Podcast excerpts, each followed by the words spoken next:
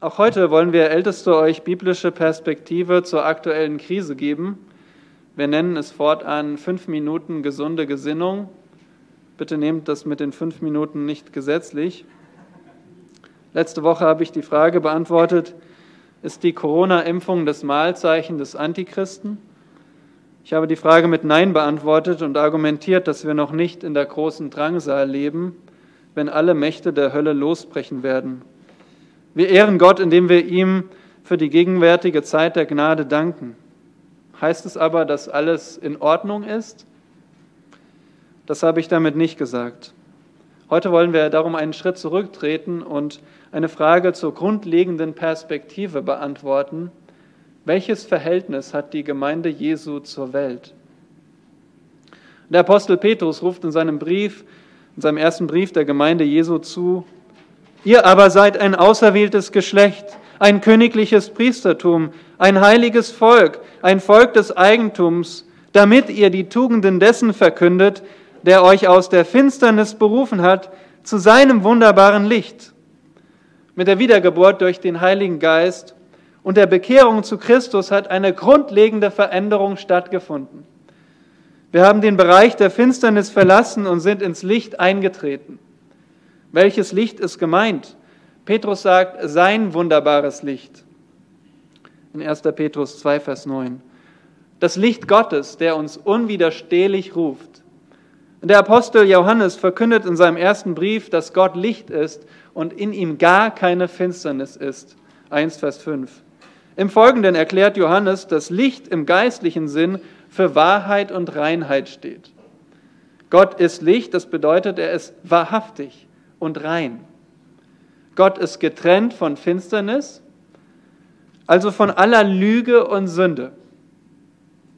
Schon im Alten Testament bekennt David Jahwe als sein Licht und Heil, Psalm 27, Vers 1. Und Jesaja das, verkündet das Kommen des Messias, das Licht in finsterer Welt, das Licht auch für Heiden. Und in Ewigkeit selbst wird Jahwe das Licht sein, Jesaja 60, Vers 19. Der Psalmist bekennt mit Freude, dein Wort ist meines Fußes Leuchte und ein Licht auf meinem Weg. Gott ist Wahrheit und sein Wort ist Wahrheit.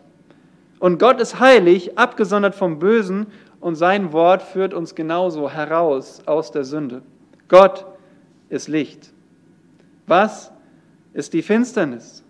Nun, selbsterklärend ist die geistliche Finsternis das Gegenteil von Gott. Finsternis ist Unverstand und Sünde. Beispielsweise lehrt Johannes in seinem ersten Brief, wer aber seinen Bruder hasst, der ist in der Finsternis und wandelt in der Finsternis und weiß nicht, wohin er geht, weil die Finsternis seine Augen verblendet hat. Paulus nennt die Finsternis die Herrschaft des Satans, Apostelgeschichte 26, Vers 18. Satans Dämonen sind die Weltbeherrscher der geistlichen Finsternis, Epheser 6, Vers 12. Dreimal im Johannesevangelium klärt uns Jesus auf, Satan ist der Fürst dieser Welt. Satan ist nicht souveräner Besitzer der Erde, aber er ist der vorübergehende Bestimmer des bösen Weltsystems, in dem auch wir leben. Die Welt ist so finster wie Satan selbst. Die satanische Welt wird bestimmt von der Fleischeslust, der Augenlust und dem Hochmut des Lebens. 1. Johannes 2, Vers 16. In genau diese Welt kam Jesus Christus. Was für ein Wunder! Jesus ist das Licht der Welt. Johannes 8, Vers 12. Er war in der Welt und die Welt ist durch ihn geworden, doch die Welt erkannte ihn nicht. Johannes 1, Vers 10. Und das Licht leuchtet in der Finsternis und die Finsternis hat es nicht begriffen. 1 Vers 5. Darin aber besteht das Gericht, dass das Licht in die Welt gekommen ist und die Menschen liebten die Finsternis mehr als das Licht, denn ihre Werke waren böse. 3 Vers 19. Was hat nun die Gemeinde Jesu mit der Welt zu tun?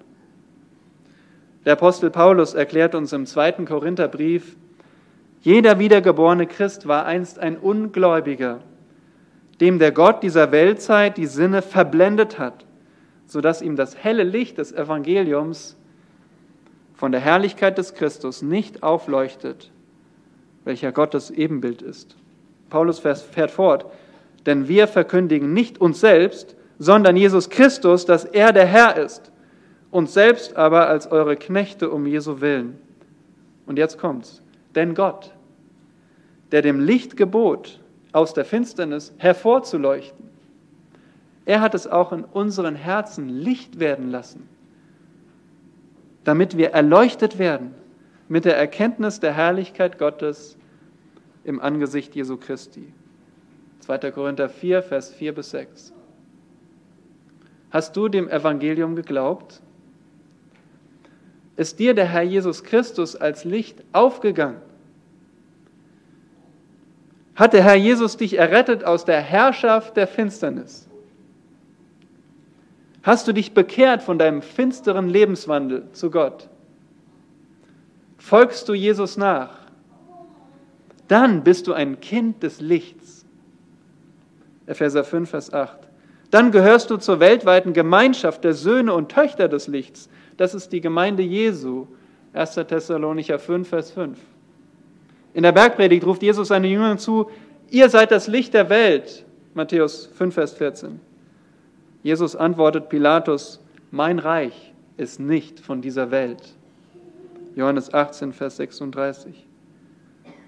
Also, die Gemeinde Jesu ist das Reich des Lichts inmitten des Reiches der Finsternis.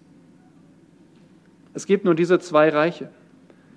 Das Verhältnis der Gemeinde Jesu zur Welt ist genauso entgegengesetzt wie Licht und Finsternis. Was ergibt sich daraus für uns in Ruhezeiten wie in Krisenzeiten?